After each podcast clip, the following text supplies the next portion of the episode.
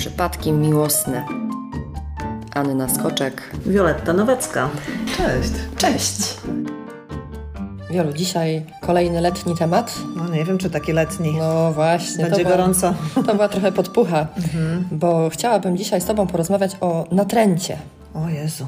Zgłaszacie się do nas z takim pytaniem, żebyśmy porozmawiały i rozwinęły ten temat. Właśnie natręta to jest taki typ, który spotykacie na swojej drodze i w swoim życiu. Wielu, powiedz nam i powiedz mi, kim jest natręt? Ja tak poszperałam sobie w głowie i na temat tych przypadków natrętnych postaci. I tak mi się klarują cztery obszary. Pierwszy to taki natręt, którego zwykle wszyscy upatrują za natrętnością, czyli taki miłosny desperat. Miłosny desperat to ten, który ma zranione serce i po prostu on nie chce usłyszeć słowa nie. I z powodu tego zranionego serca i tego wielkiego pragnienia, żeby do, dostać tą miłość z powrotem, będzie się naprzykrzał. Chciałam powiedzieć jeszcze o czym? O tych mechanizmach, które stoją za bycie natrętnym. Opowiadaj. Ten miłosny desperat to taki przypadek, który już się zaangażował i nie może odpuścić, jak nie ma wzajemności. I to jego zranione serce, czyli rzeczywiście on jest zakochany albo zauroczony w ten taki niezdrowy sposób, i ta właśnie szalona miłość każe mu nie odpuszczać. I on po prostu nie chce usłyszeć słowa nie. On nie jest gotowy usłyszeć słowa nie, bo on już zainwestował to uczucie. On już sobie stworzył też wizję. On stworzył sobie wizję. To jest, wiesz, facet też może zakochany w tych iluzjach swoich, no bo jak się zakochuje bez wzajemności, to zazwyczaj na podstawie iluzji. I ten miłosny desperat właśnie będzie robił wszystko, żeby nie odpuścić. Inny rodzaj mechanizmu, który stoi za, za natręctwem, to taki facet z tupetem, który z kolei nie życzy sobie usłyszeć słowa nie. On nie życzy sobie, bo on, władczy. on jest władczy, on poluje. On poluje za osobą, którą chce mieć do jakiejś tam swojej dyspozycji. I wiesz, to, to są ci nasi słynni psychofagi i różni tam ci ludzie, którzy chcą dostać coś na szybko, a czasami na dłużej, ale tak, żeby nie dać wzajemnie. No i on zasiewa, czyli on przez to zalewanie tym swoim natrętną uważnością, on nie chce odpuścić, bo czuje, że to może być dla niego coś intratnego, ta dziewczyna z tymi zasobami. Jak mówimy tutaj o tym facecie z tupetem, to to akurat może być coś, co kobiety pociąga, co? A tak, tak, bo on jest taki nieugięty, nieustraszony. To wygląda tak, jak on by jemu bardzo zależało. Mówimy o tym drugim gatunku, nie? bo on naprawdę mu nie zależy na osobie, tylko na tym, co on może od fakcie. niej wziąć, wiesz. Bo zazwyczaj on ją chce skonsumować, tak czy inaczej ją jakoś tam wykorzystać. I właśnie to jest je- jego strategia tej początkowej fazy uwodzenia. No i ta, natrę- ta natrętność bywa też urocza, nie? czyli on tam nie odpuszcza, on po prostu nie życzy sobie usłyszeć słowa nie. Kolejny to facet z taką niską inteligencją emocjonalną. Wiesz, jest taka grupa mężczyzn, w ogóle grupa ludzi, która jakby nie wyczuwa stanów emocjonalnych u innych. I to jest taka grupa, którą można nazwać z pogranicza spektrów zaburzeń autystycznych. Wbrew pozorom tych ludzi jest sporo ostatnio. Zespół Aspergera na przykład. To jest ktoś taki, kto kompletnie nie rozumie relacji emocjonalnych. Oni, tak, i oni nie umieją usłyszeć słowa nie. Nawet jak im się mówi. Ta grupa ludzi ma trudności w ogóle w relacjach i w komunikacji. I ta komunikacja dla nich jest czarną magią i oni po prostu nie wyczuwają tych niuansów, tej niechęci, jeśli odmawiamy. Oni po prostu robią tam swoje, próbują się jakoś tam zbliżyć do tych ludzi trochę tak na kwadratowo, niezręcznie. No i ja sobie myślę o nim, że oni są tacy nieświadomi tych stanów emocjonalnych. I jest jeszcze taki gatunek facetów, którzy są wychowywani przez neurotyczne matki, które właściwie przez swoje postawy, takie labilne, chwiejne emocjonalnie, nauczyły ich, że jak kobieta mówi tak, to znaczy nie i odwrotnie. O Boże, chyba Tak, i oni są tacy zagubieni. Oni tak czasami myślą sobie, że jak kobieta mówi nie, to znaczy tak, bo tak właśnie taki wzorzec mieli z domu rodzinnego. Czyli jeśli mama właśnie tak postępowała, tak, tak miała, na przykład matka z chorobą afektywną dwubiegunową albo matka uzależniona od alkoholu. No i z takich domów, jeśli wyrastamy w takich mętnych wzorcach komunikacyjnych, w których trzeba było się domyśleć, nie? co na przykład mama czuła, albo mówiła jedno, a robiła drugie, to ci biedni chłopcy z takich domów, jako dorośli, też są właściwie tymi chłopcami, co ciągle tak po omacku próbują się z kobietami dogadywać. No i właśnie tak jak kulą w płot. Ten ostatni przykład, o którym powiedziałaś, to jest naprawdę najprostsza recepta do jakichś takich pomyłek życiowych. No bo jeśli faktycznie jest tak, że on nie tak, potrafi... oni jak we mgle no, e, w tych relacjach z kobietami. Mhm. Też może to prowadzić do katastrof, no bo jeśli naprawdę mężczyzna wierzy, że kobiece nie może znaczyć tak, no to, to już może dochodzić do gorszych sytuacji. No tak, to dlatego oni nie, nie męczą się w, w tym natrętnym zachowaniach, bo ciągle myślą, że dopną swego gdzieś na końcu, że to metodą prób i błędów jakoś się uda złapać króliczka. Taki facet też czasami, który, czy mężczyzna, który już jest taki natrętny w tych swoich staraniach, on często bywa też już mało męski dla, dla kobiet, tak? Bo on ciągle prosi, on chce... On tam na różne sposoby, wiesz, próbują oni być natrętni i to się zwykle zaczyna dosyć niewinnie, a czasami wręcz uroczo, nie? Mam przypadki, które zaczynają się niewinnie, a kończą się nawet na policji. Na przykład na, na początku jest taka gra na argumenty, nie? Ona mówi nie, a on stopę w drzwiach, to jest taki mechanizm nie, nie wypuszczenia, mówi tak, ale tylko na chwilkę, czyli on tak mhm. bagatelizuje, żeby ona mu udostępniła siebie albo, albo na chwilkę, albo żebyś mnie zaledwie wysłuchała. Co to dla ciebie tylko wysłuchać? Hmm? Czyli oni tak sobie mówią, tak, ale, hmm? tak, niby usłyszałem odmowę, ale nie usłyszałem i tak spróbują rzeźbić jeszcze, żeby ją jeszcze na chwilę jakoś skierować tą uwagę, żeby zmylić czujność. No Spotkajmy się na kawę, na tak, pół godziny. że to tylko tak, tylko tyle, tylko. Mhm. I ona mówi, no dobra, przecież to taka pierdoła, no. I ta stopa w drzwiach właśnie tak jest, że jak ona mu da trochę, no to on znowu, jeszcze więcej. No, potem jest taki kawałek na obiecywanie, czyli jak to nie zadziała, to on będzie obiecywał. No, czyli te piękne wizje. Będzie miło, mam coś dla ciebie, mam e. niespodziankę. Na pewno nie będziesz rozczarowany. No, tak, aha, pani będzie zadowolona. Pani, tak, będzie pani zadowolona. Nie? I oni tak sobie obiecują. Często są w stanie do takich właśnie bardzo kreatywnych gestów. Bywają hojni też, żeby ją tak zaciekawić. Czyli to jest, żeby kupić jej uwagę na obiecanki. Jak obiecanki nie dają rady, no to na przykład zaczyna się e, gra w rolę ofiary. I to się zaczyna już robić trochę niemiło i niebezpiecznie, kiedy on na przykład zaczyna użalać się nad sobą, a potem grozić, że sobie coś zrobi, no i wtedy te kobiety, które wiesz, mają takie miękkie serce, takie samarytanki współczujące, myślą, o, to ja się tu udostępnię, żeby on sobie czegoś nie zrobił, bo potem go będę miała na sumieniu. No i zaczyna się, wiesz, taka manipulacja emocjonalna na poczucie właśnie winy, bo jak poczucie raz zobowiązań. i raz się zgodzimy na, na tak. takie ustępstwo, to, to on tak. już może wyczuć, że to jest dobra mhm. strategia, bo ona działa. I, tak, na ofiarę prostu... i na opiekunkę. On ofiara, ona opiekunka mhm. i zaczyna ona być dla niego dostępna. No a na końcu się, wiesz, już może być całkiem niemiło miło, bo jak taki natręt e, się uprze, to będzie też i groził, ale już będzie groził jej. I takie historie bywa, że kończą się już e, na policji. Bo mówimy tutaj już o takiej czystej postaci stalkingu. Taka forma na koniec może z natręctwa wynikać. Mhm. Czyli mimo wszystko na tych natrętów należy trochę bardziej uważać, bo nawet te zachowania, które na początku mogą wydawać się urocze, mogą się przerodzić w coś, co... Tak, wygląda to jak, up, że on jest taki uroczo uparty, że on jest zdeterminowany, że on jest o, właśnie taki może zauroczony mną i to tak wygląda przemiło, no ale wiesz, jak on testuje tą naszą asertywność i ciągle przegrywamy, to znaczy, że może powolutku stajemy się jego ofiarą. Zanim dojdziemy, czy rozwiniemy ten temat tego stalkingu, to jeszcze chciałam z Tobą porozmawiać o tych takich zachowaniach, które wydają nam się na początku mniej groźne. I na przykład mamy też taki typ natręta, który pojawia się raz na jakiś czas. Kiedyś się spotykaliśmy, coś tam nam nie wyszło, za pół roku się odzywa, objawia, hello, jestem, wróciłem. Czy zaczniemy się znowu spotykać? I powiedz mi, o co tutaj chodzi, bo to chyba... Ja zawsze myślę, myślę, że to jest taki gatunek spryciarza, który trzyma w poczekalni osoby na tak zwaną okazję, kiedy on już nikogo więcej nie ma. Aha. Czyli on sobie przypomina, tam wertuje w kalendarzyku, kto to tam, z kimś to się nie pożegnałem tak na ostrzu noża. I myślę, o, jest taka. No to zadzwonię do niej w tym momencie, jak nikogo lepszego nie mam. Taki LNZ, nie? Lepszy, lepsza te, ta, ta niż żadna. No i niestety to tak wygląda, że on się na pocieszenie próbuje pocieszyć tym, co jest łatwo dostępne i jak będzie, no to skonsumuje sobie i za następne pół roku czy rok, jak będzie sam i nic lepszego nie będzie miał do roboty, to znowu nas zaszczyci swoją uwagą. No takie to bywa. A kobiety się często łapią w ogóle na coś takiego, że po jakiejś przerwie powiedzmy yy, właśnie odzywa się ten oto księciunio. One sobie, tak, one sobie dopowiadają. To znowu to słynne babskie idealizowanie. Pewnie jest zakochany, pewnie myślał jeszcze nie przestał mnie, tak, kochać. Tak, myślał ostatnie trzy miesiące mm. o tym, jak to było fajnie i co mu umknęło. Tak. Zawsze te babskie do, dopowiadanie się źle kończy, bo on nie, dostaje ten splendor zupełnie nie, niezasłużony, no później mu ufamy, nie? Na podstawie tych swoich własnych wyobrażeń. Kobiety często Ci opowiadają w gabinetach o takich przypadkach mężczyzn, którzy po kilku miesiącach doznają jakichś objawień i to tak regularnie po prostu próbują nawet zapytać o pogodę, albo takie czasami są takie niewinne, co tam u Ciebie, hej. Mm -hmm. No tak, tak. To jest taki taki gatunek, wiesz, że on po prostu potrzebuje opiekunki, towarzystwa, no i takie to. I tak mało, mało urocze w sumie. Mało urocze, ale wa- zawsze warto spróbować, bo w sumie on wychodzi z tego założenia, że no, pff, co się stanie? No Tak, najwyżej co się nie stanie? odezwie. A nie? może tym razem będzie dostępna, a może będzie gotowa, a może... Może i coś trafię da. na trudny moment jej. Mhm. Wiesz, ja nie chcę też generalizować, bo są mężczyźni, którzy działają z opóźnionym zapłonem i na przykład pożegnali się z jakąś kobietą, a potem w wyniku doświadczeń życiowych zrobili rachunek sumienia i naprawdę uznali, że to była miłość mojego życia, którą przegapiłem, schrzaniłem i teraz chcę naprawić.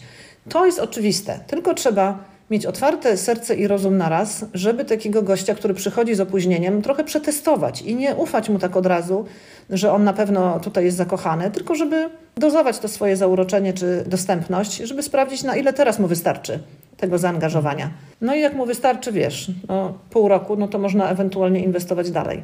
Ale nie jak on trzy tygodnie czy tydzień o, okazuje zainteresowanie i potem, wiesz, otworzyć mu dostęp do swojego życia i żałować, nie? Mhm. A często, powiedz mi, zdarzają się takie sytuacje, że ci tacy natręci też piszą po alkoholu, bo im się odkleja e, hamulec? A, to jest taki gatunek specjalnego natręta, który tylko może po alkoholu w ogóle okazywać zainteresowanie i uczucia. Ojej. I to jest taki ciekawy typ natręta, bo on wtedy, jak mu się odkręca ten kurek w drugą stronę, czyli był skrajnym introwertykiem i takim, że tak powiem, z zaparciami emocjonalnymi na czeźwo, a jak sobie wypije, to mu wszystko idzie w drugą stronę. Czyli on się staje hiperwylewny i właściwie ta potrzeba wygęgania się emocjonalnego wtedy mu tak eksploduje. No i on się staje tylko po alkoholu takim ciekawym przypadkiem człowieka nawiązującego relacje. Czyli No. piszącego w sobotę wieczorem, albo Tak. w piątki wieczorem. Albo no w i nocy o trzeciej. I wtedy już wiadomo, że coś z tym jest nie tak.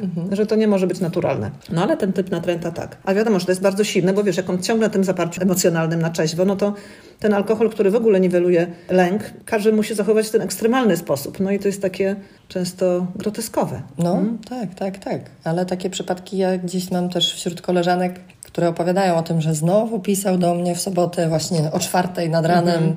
e, Wzięło mu się na zwierzenia. No tak.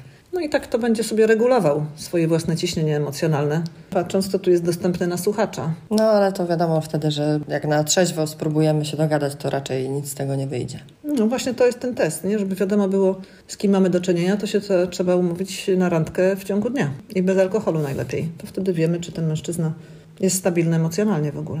Są też mężczyźni, którzy bywają tacy lekko natrętni, ale oni mają niską samoocenę i lubią, jak im kobieta odmawia i się lubią czuć trochę tacy, nie wiem, poniżeni, gdzieś to uczucie jest, jest dla nich naturalne i właściwie... Oni nie lubią, ale oni inaczej nie umieją, czyli oni się czują w środowisku, w którym się im odmawia jak u siebie w domu. Jest to jakby u nich znany schemat wchodzenia w relacje, w których oni są na przegranej pozycji. I nauczyli się, że w relacjach trzeba dużo robić i mało dostawać. I oni się nie nudzą tym z kolei, tym zabieganiem, bo oni po prostu taki repertuar zwykle w schemacie swoim mają. No to są ci z poranionym poczuciem własnej wartości z powodu no, bycia wychowanym w domach z jakimiś dysfunkcjami tego typu, z zaburzonymi relacjami bliskości z matką, z ojcem. W takich relacjach byli z rodzicami, że musieli właściwie ciągle albo walczyć o ich uwagę, albo zgadzać się na to, że są niewidzialni. No i oni nie mają takiego zdro- zdrowego wzorca w swojej głowie i w sercu, jak postępować z płcią przeciwną. Do tego zgadzają się na rolę tych no, giermków. Czyli to jest to, co też ty mówiłaś, że to jest taki typ tego gonienia trochę za, za króliczkiem. Czy to się kończy ta gra i ta zabawa kończy się wtedy, kiedy kobieta się zgadza? Nie, oni, jeśli ma się ten schemat, to jest mężczyzna, który ma tą poranione poczucie własnej wartości, to on zazwyczaj przyciąga do siebie kobiety, które się nie zgodzą. Czyli to są kobiety, które nie są w stanie wejść z nim w relację. On tego właściwie nie wyczuwa, tylko na zasadzie tej dysproporcji goni za, za tą relacją, ale i tak będzie mu zawsze odmawiane.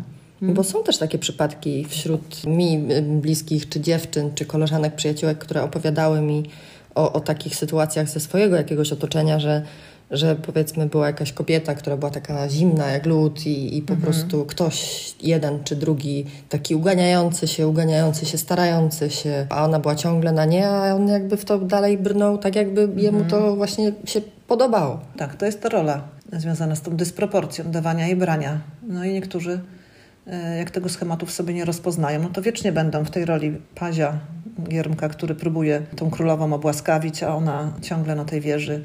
Wiesz, nawet jeśli czasami się wystara, nie? no to te związki nie są długotrwałe, no bo one są oparte na nierównowadze wielkiej. On dawca, ona biorca.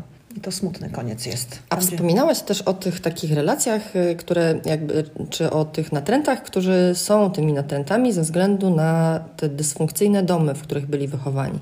I pod jednym z naszych przypadków, z naszych podcastów, odcinków podcastu, y, padło takie pytanie, czy można i kiedy najlepiej zapytać się takiego potencjalnego partnera o jego takie relacje domowe, czy jego, jego życie w domu, żeby może stwierdzić i już wcześniej wiedzieć, czy, czy on jest jakby potencjalny, czy jest narażony na, na jakieś takie dziwne zachowania przez to, z jakiego domu pochodzi. I powiedz mi, czy to jest temat do rozmowy na randkach? Tak. Ja uważam, że jak ludzie się poznają, to powinni poznawać się od strony też tej prawdziwej, czyli nie wybierać sobie pytań, które chcemy usłyszeć, żeby było miło, bo to jest y, wprost y, zmierza do idealizowania partnera, tylko żeby w miarę zaprzyjaźniania się czy poznawania pytać o takie rzeczy ważne i prawdziwe, jak y, wyglądają obecne relacje z rodziną pochodzenia, z matką, z ojcem, z rodzeństwem, a jak one wyglądały, bo to jest naturalna historia nas samych i dobrze jest wiedzieć, co to za schemat dotyczy naszego partnera. Czy on jest uwikłany w jakieś właśnie nienawiści, boje rodzinne albo poczucie żalu za stracone lata. Ale robimy to w taki delikatny sposób. Nie wchodzimy z buta w to życie i nie pytamy się, słuchaj, twoja mama piła? No pewnie, że nie, bo to są pytania zamknięte. Zadajemy pytania otwarte, żeby się zaciekawić i sprawdzić, czy on w ogóle taki człowiek chce odpowiadać na pytania, czyli jak to było, jak, gdzie, kiedy. To są takie pytania na zaciekawienie. No i wiadomo, jeśli druga osoba nie jest gotowa, to będzie wymijająco odpowiadała i się nie dowiemy. No ale jak my nie zadajemy tych pytań o prawdę, to też i druga osoba nie jest zobowiązana nam odpowiadać. Ja jestem zawsze, żeby pytać o rzeczy ważne, które nas ciekawią, a historia pochodzenia jest ważna. Okej, okay, stalking, czyli ta ostatnia rzecz, którą miałyśmy trochę bardziej rozwinąć. Kiedy powinnyśmy zacząć się bać natręta? Wtedy, kiedy czujemy strach żeby nie okłamywać tych swoich uczuć, kiedy zaczynamy czuć się niepewnie z tymi jego zabiegami, kiedy jego słowa wywołują jakiś rodzaj niepokoju, lęku, jakichś objawów fizjologicznych, kiedy nie możemy spać, bo ciągle myślimy o tym, co on powiedział. Kiedy się pojawia niespodziewanie w Na przykład miejscach? pojawia się, nachodzi, wiesz, albo czasami próbuje do nas dotrzeć gdzieś przez jakichś znajomych naszych, albo przez rodziców, że już wtedy myślimy o cholera, skąd on wie o mnie tyle, albo skąd zna moich bliskich kiedy to zaczyna jakoś tak e, krążyć koło nas, zaciskać pętla na szyi. Nasze uczucia są najlepszą kontrolką, czyli żeby nie bagatelizować własnych uczuć lęku, bo one zawsze nam mówią o tym, że strefa komfortu została przekroczona i nasze granice zostały przekroczone i że trzeba coś innego tylko niż słowo nie. Bo jeśli natręt po raz, wiesz, któryś po trzecim razie, jak natręt nie słyszy słowa nie, to powinniśmy zrobić coś innego niż tylko mówić nie. W którymś momencie trzeba mu postawić sankcje, czyli powiedzieć, jeśli nadal będziesz, i tutaj mówimy, co on tam robi, no to i tutaj postawić sankcje. No naj, najlepszą sankcją na stalkera to jest zagrozić mu zgłoszeniem na policję. I często do tego musi dojść, żeby stalker odpadł on się musi wystraszyć. A... Ale czasami wiemy, że, że właśnie już tylko to opowiedzenie tego, co się zrobi i jakby przedstawienie mu wizji konsekwencji. Tak, że on zostanie mhm. ujawniony, że policja go znajdzie, że on zostanie mhm. spisany. Bardzo często to jest ten kubeł zimnej wody, który wystarczy. Działa. I tak, działa. I żeby się tak nie zwlekać specjalnie. Tak, po trzecim nie można spokojnie, czy tam już po piątym na pewno. A jeśli nie działa, to zbieramy wszystko w jeden folder, zgrywamy na pendrive'a i idziemy na policję. Tak, musimy to zrobić. Po to mamy zresztą te służby ochronne, żebyśmy się mogli czasami na nich także polegać, więc to czasami jest nieuchronne. Tych narzędzi do tego, żeby siebie bronić też jest sporo. Można wystąpić o zakaz zbliżania się, taki sądowny, no ale przede wszystkim tym pierwszym krokiem jest wizyta na policji. Jeśli nie zadziała, to postraszenie tego, tego stalkera i, i przedstawienie mu tych tak, konsekwencji. Ale, ale, najważniejsze, żeby mu powiedzieć stalkerowi, że my to zrobiliśmy. Mhm. Nawet jak nie zrobiliśmy. Rozumiesz, żeby on się dowiedział, że jesteśmy do tego zdolne, bo dla niego naprawdę nasza ta dobroduszność jest pożywką, pożywką. tym ładunkiem tak, takim tak, dla tak, baterii jego chorych. Mhm. No i niestety jakby warto sobie zdać sprawę z tego, że stalkerzy są, oni istnieją. To nie jest jakaś taka wydumana postać, o której rozmawiamy w podcaście, albo wydumana postać, o której opowiada nam koleżanka, że jej koleżanka znała koleżankę, która miała kogoś takiego, tylko tak, tacy mężczyźni naprawdę się pojawiają i oni mogą utruć życie w bardzo poważny sposób. No tak. Jeden jeszcze mi się przypomniał gatunek mężczyzn, którzy są zdolni do natręctwa, to są ci, taki gatunek napalonego samca, którym, z dyszącym testosteronem, którym y, właściwie ten testosteron uniemożliwia normalne randkowanie, bo oni chcą już i wszystko. Mhm. I oni zrobią wszystko po to, żeby tą kobietę zaciągnąć do łóżka. A wiesz, takich mężczyzn wbrew pozorom jest coraz więcej uzależnionych od seksu, od masturbacji, od doznań takich seksualnych. I oni naprawdę się nie męczą, yy, nagabując te kobiety. Mm, Bo taką mają tą Bo pilną mają potrzebę ten- seksualną, że tam ona, wiesz, żeby się zmęczyć na adrenalinie, to naprawdę trudno. No ale też taki, tacy ci mężczyźni, o których mówisz, to oni raczej męczą kilka naraz, nie? Tych kobiet, żeby, z którą się udało. A w tak, to sumie- nie ma co liczyć, że jak on jest taki napalony fizycznie, to tylko na ciebie, nie? To na pewno on jest zdolny do okazywania tego zainteresowania wielu naraz.